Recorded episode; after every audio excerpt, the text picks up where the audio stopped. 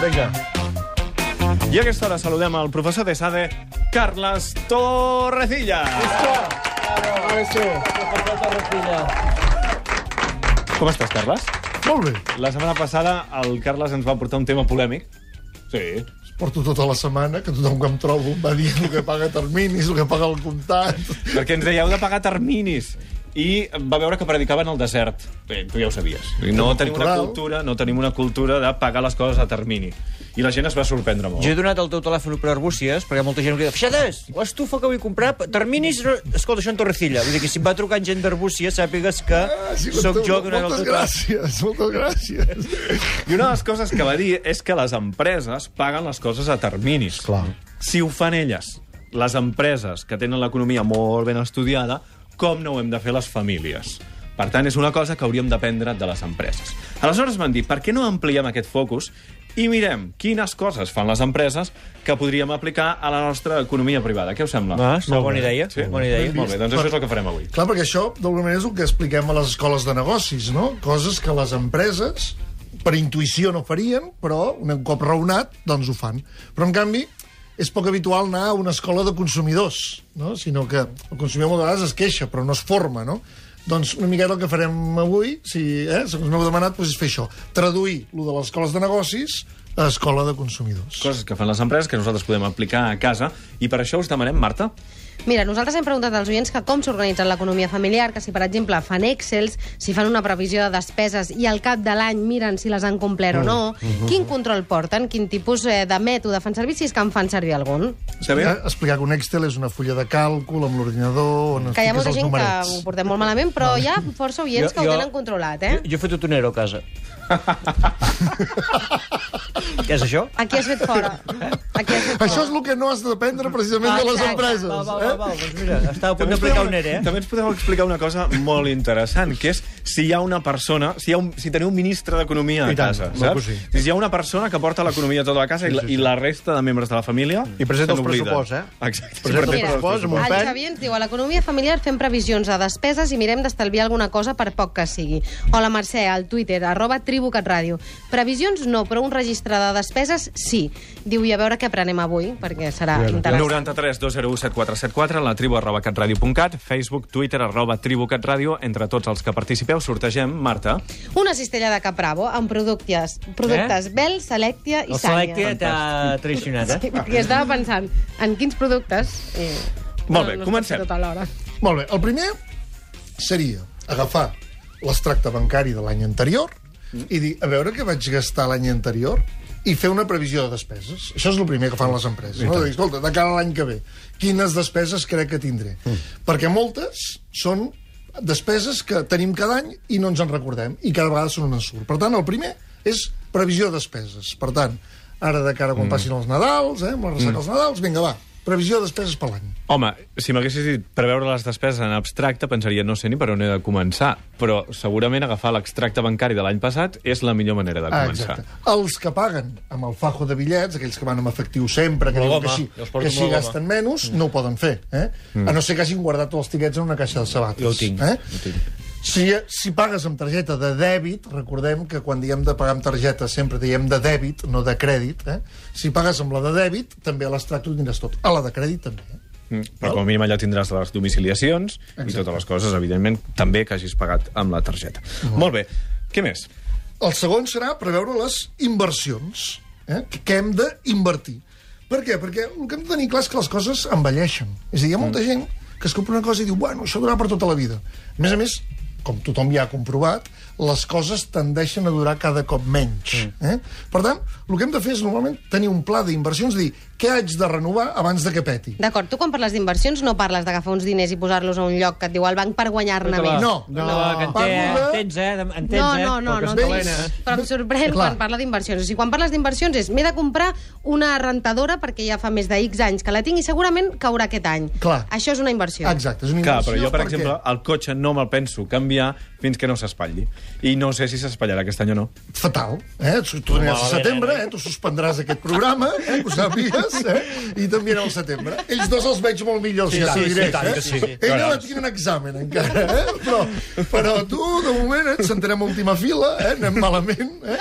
Per què? Perquè precisament fem molt això, de dir, no, quan peti, petarà. I llavors, quan peta, tots són queixes. I llavors tots són ploreres. Això, a les empreses, quan algú peta, també peta algú, perquè hi havia d'haver algú que ho havia d'haver previst. Eh? Per tant, hi ha d'haver un pla d'inversions.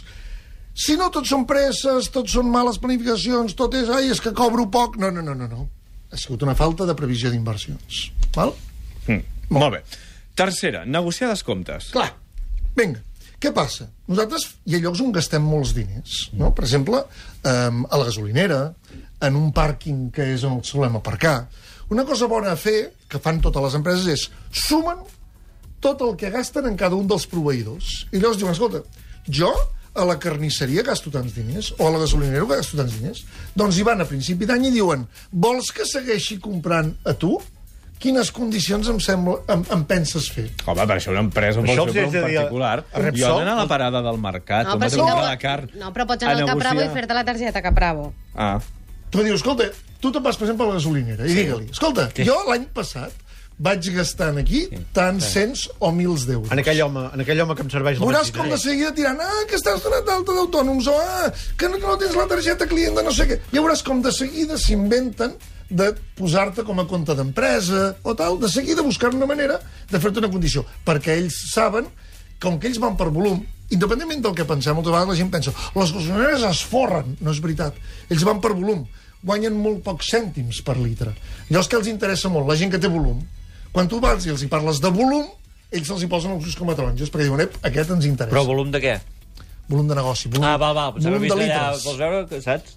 No, i no vull, i no vull entendre. per favor. Perquè per la cara que fas, De ja debò? veig que no. De debò, eh? Al nivell dels comentaris. Continuen ells aprovats i jo suspès? Sí, eh, que sí. De debò. Bueno, és que, escolta, l'humor no està renyit amb el talent, eh? Mira, l'altre. Val, doncs Va. anem a negociar. Bé, Per tant, negociar en funció del volum que gastes a cada lloc. Això ho fan molt les empreses, eh? Diu, escolti, jo amb vostè gasto tant, parlem-ne, eh? Parlem-ne, val? Una altra cosa que fan les empreses és pensar en els plans de Clar, formació. hi ha molt quejica patològic, no? De dir, ai, que cobro poc. Ah, molt bé, i què fas per, per cobrar més? Em queixo. Ah, sí, bueno, això és molt cultural, no? De, el qui no plora no mama. Però si vull mamar, a plorar. Molt malament, eh? El que hem de fer és dir, escolta, jo vull cobrar més, doncs el que haig de fer, vull tenir més ingressos, el que haig de fer és canviar coses jo, no dir que em vingui de fora. Això què vol dir? Formació. Formació i formació. Perquè, si no, la formació te la plantejarà una altra. I això, per exemple, l'empresa. Mm. Respondrà als interessos de l'empresa, no als teus. Ara t'està escoltant gent que té tres llicenciatures i dos màsters i porta dos anys a l'atur. Que segurament, quan va pensar en la formació, va pensar en el que li agradava, no amb els ingressos que volia obtenir. Això també és molt típic d'una època d'eufòria econòmica, saps? De dir, no, jo no em preocupo de que el que estudio em pugui generar uns ingressos, em preocupo de fer el que m'agrada. Però aquí estaríem Molt deixant bé. totalment a part la felicitat, no? Sí, Ah. estem parlant d'ingressos. Val? Per Hauríem de trobar l'equilibri. Sí, però és que hi ha molta gent que diu no, jo em vull, divert... jo vull fer una feina que sigui el que m'agrada, que a més a més em doni diners i a més a més m'ho retribueixin bé Sí, i a més sí. a més tot perfecte. Sí. Dius, clar, i jo també m'agradaria volar, però no tinc ales. Eh? Llavors, a més a Clar, més, què potser has passa? de pensar que si vols fer una cosa que a tu t'agrada molt, doncs tindràs menys ingressos i viceversa. Exacte, En perquè és, casos. és un balanç. Ara, què passa, a més a més? Que quan et dediques al que t'agrada molt, molt, molt, perds la perspectiva. Per exemple, això és molt típic dels productors de vi. Un productor de vi que li encanta el vi, què fa? Un vi boníssim, que és el que a ell li agrada i als seus amics. Eh, i a ningú més. Perquè han fet un vi superbo. Quin és el vi més begut del món? Ah, no direm la marca, però és un vi que es fa a Portugal amb una botella rodona que té agulla, rosat, dolç, que dius, és escarós. O sigui, el pren un tio que sap de vi i l'escup de seguida. De fet, us puc explicar una anècdota. Aquesta gent volien... volien aquest, aquest, us, se m'escaparà el nom i tindré un bollo institucional. que Ja el diré jo, però ja el diré jo. Aquest, no, sisplau. bueno, és igual. Total, aquest vi, que té una botella aquesta del Capitán Haddock, no? Ah, ja sé quin és, Volien, volien imprimir una...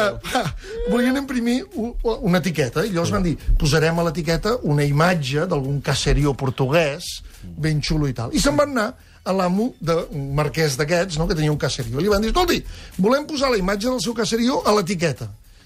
Què prefereix? Un escut, que era la moneda de Portugal llavors, no? Un escut per botella o un milió, un milió d'escuts? I el tio diu, "Um, això depèn de lo bo que sigui el vi. Porteu-me una copa de plata, li porta una copa de plata, que era un marquès, no? Es posa el vi i tal, el prova, uah, i l'escup, no? Clar, aviam agulla, dolç, mig rosat, diu, això és carós, no em vendreu ni una botella, doneu-me el milió d'escuts. No se n'ha sabut mai més res d'aquest marquès. Si hagués triat un escut per botella, es diu que avui seria un dels més rics de Portugal. Perquè es va pensar que el bon producte és el que es ven més. I no és així sinó que el, el producte que es ven més és aquell que agrada més al mercat. Què passa? A nivell mundial hi ha més gent que no sap de vi que gent que en sap. Per tant, això és un exemple que utilitzem molt en màrqueting per explicar que si tu el que fas és dedicar-te a allò que t'agrada, li poses tanta passió que la passió és enemiga de la reflexió. I els negocis requereixen molta reflexió. Mira, tinc dos oients que crec que els posaràs bona nota. Diu la Lourdes, escrupulosament comptabilitzat. Vaig baixar un programa gratuït de gestió de despeses que va fenomenal. Des que ho faig, sempre sé amb anticipació què he de pagar i quan ho he de fer. Amb aquest mètode no tinc sorpreses desagradables. Només cal ser constant i previsor. O en Jordi, jo faig Excel amb la meva dona, regularitzem la situació a finals d'any. Més o menys les despeses són constants i així repartim bé la despesa conjunta. Diu ara, costa molt arribar a final de mes. Això sempre. Eh, de matrícula. Veus, no? De Ja matrícula que i t'agradaria. aquests eh, candidats a beca. Eh? Molt És bé. curiós que digui que fa no? Excel amb la seva dona. No. 93 Fan a 201 mitges. 7474. Ja, ja, ja. Paquita, bona tarda. Paquita. Hola, bona tarda. Hola, Paquita, des d'on te truques? Des de, des de Vilafant. Des de Vilafant, endavant amb la teva recepta. No, la meva recepta, avui a nosaltres, la, eh, tot el que es guanya durant el mes, el mes ho repartim, Sí. eh, tant per, per el menjar, diguéssim, Sí. eh, un, altre, un altre tant per, per els gastos de llum, aigua, d'això, llavors tenim la previsió de també posar una altra, una altra mica, dic mica perquè, clar, tampoc és el sou, Sí. tampoc és que sigui, Sí. per, per eh, despeses que puguin sortir vàries, com una avaria del cotxe, una d'això, no? I, I llavors així tens que cada mes mm, sempre posem el mateix. I llavors, si un mes gastes més de llum o d'aigua, o el que sigui, ja ja no tens que pensar, ostres, aquest mes eh, m'ha pujat la factura tant, no? Ja fem tota la previsió de tot l'any i ho repartim. Saps què vull dir? Superbé. I a més a més ha dit una cosa molt interessant, que diu, nosaltres ho fem, tot, i el, el sou no és massa important, és a dir, no tenim un gran sou. Els Clar, estudis... que, Digui, digui. perdó, que quan no se té eh, un gran sou encara se tenen que fer més previsions. Clar, clar, Ah, clar. exacte. De fet, el que anava a explicar és que els estudis de mercat el que diuen és el contrari del que la gent pensa. La gent pensa, si jo cobrés més, no tindria aquests ensurts, tindria una vida econòmica més plàcida. Tot el contrari, perquè el que està demostrat pels estudis de mercat és que a més renta, més desajustos. De fet, un, una cosa molt sintomàtica és tots aquests que fan... Sabeu aquests de préstecs de 3.000, 5.000 euros immediats per telèfon? Mm. Tenen molts clients en gent d'alta renta, que a més a més, com que els hi fa vergonya eh, anar a l'entitat financera a dir no he sabut quadrar els meus números, de fet, un dels seus principals clients són directors d'oficina bancària, Ah. que ja és el colmo, no? Que clar, un director d'oficina bancària demana un préstec a la seva entitat per dir és que no, no m'he ajustat bé, clar, és una vergonya, i acaben sent clients d'aquests préstecs ràpids. Ai, carai. David, bona tarda. Hola, bona tarda. Hola, David, des d'on te truques? Eh, doncs mira, que les comptes a casa meva les porta Endavant. la meva dona. Es porta la dona. Molt bé. I té un Excel perfecte, eh? Ara una paciència per omplir-lo que dona nassos. Tots els tickets a recopilar-los. I tu passes de tot, David? No, al contrari, com que ella és una cosa que sempre te l'ha agafat ella, pues tu, delego, hem de delegar. O sigui, sí, passes de tot. Vale, malament. I et diré el per què. Au. Això, és, això també és cultural. No? Dir, no, és que això, el tema de les compres i de les aquest. A les empreses mai hi ha una sola persona que decideix. Eh? És a dir, hi ha el comprador, hi ha el decisor, hi ha el pagador, hi ha l'usuari, hi ha uns comitès de compres. Per què? Perquè quan decideix un sol, el, el venedor se'l pot camalar. És quan tu has d'explicar a algú el que vols gastar que realment et replanteges la despesa. Per tant, també a nivell de la llar hauríem d'aprendre això de les empreses. Si no hi ha dos firmes, aquí no es compra res, no? Perquè un, diu, di- hi ha una frase que diu raons et sobraran per justificar el que tu vulguis. I hi ha una altra frase de màrqueting que diu decidim amb l'emoció i després justifiquem amb la raó. Saps? Al revés del que hauria de ser. Laura, bona tarda. Hola, bona tarda. Hola, Laura, des d'on te truques? des de Figueres. Eh, Tu, eh, tu, L'Empordà- de dalt està tirant, estan, està tirant, estan està organitzats, tirant. eh? Endavant, endavant. Endavant amb el teu testimoni. Ma, sempre s'ha dit que del nord sempre són més estalviadors que els del sud. No, has vist estar en Excel, eh? el Bueno, bueno, jo sóc de, de la Catalunya interior, però visc a Figueres. Molt bé. Ah, Aleshores, entesos. què sóc, del nord o del sud? Tu ets de tot arreu. De tot arreu. Del món. Ets, del, ets del món. I tu què fas, Laura? Uh, doncs jo faig Excel i en faig tres. Tres. Tres Excels. Sí. Faig el meu Excel personal amb què apunto tots els gastos, apunto el dia i, a més a més, ho classifico per categories. Després faig un Excel a mitges amb la meva parella, perquè vivim junts i compartim gastos, i amb aquest Excel hi van tots els gastos del, del mes. Mm. I a final de mes tanquem mes i ho passo tot al tercer Excel on faig el balanç anual. La mare. Déu. Si no són una família, són una corporació, Sí, sí. aquests, eh? I feu reunions setmanals. I tot. Sembla molta feina, però la veritat és que a mi, bueno, no sé, és una cosa que m'agrada fer i a més a més m'animo perquè veig que a final de mes pues, apunto el que guanyo i el que gasto, no? Clar. I llavors et motiva més a intentar, gastar, a intentar gastar menys i a intentar estalviar una mica més. I la, I la teva parella com ho viu, tot això? M'ho va ensenyar ell. Ah, Oh, carai, carai. I teniu temps de fer l'amor i així?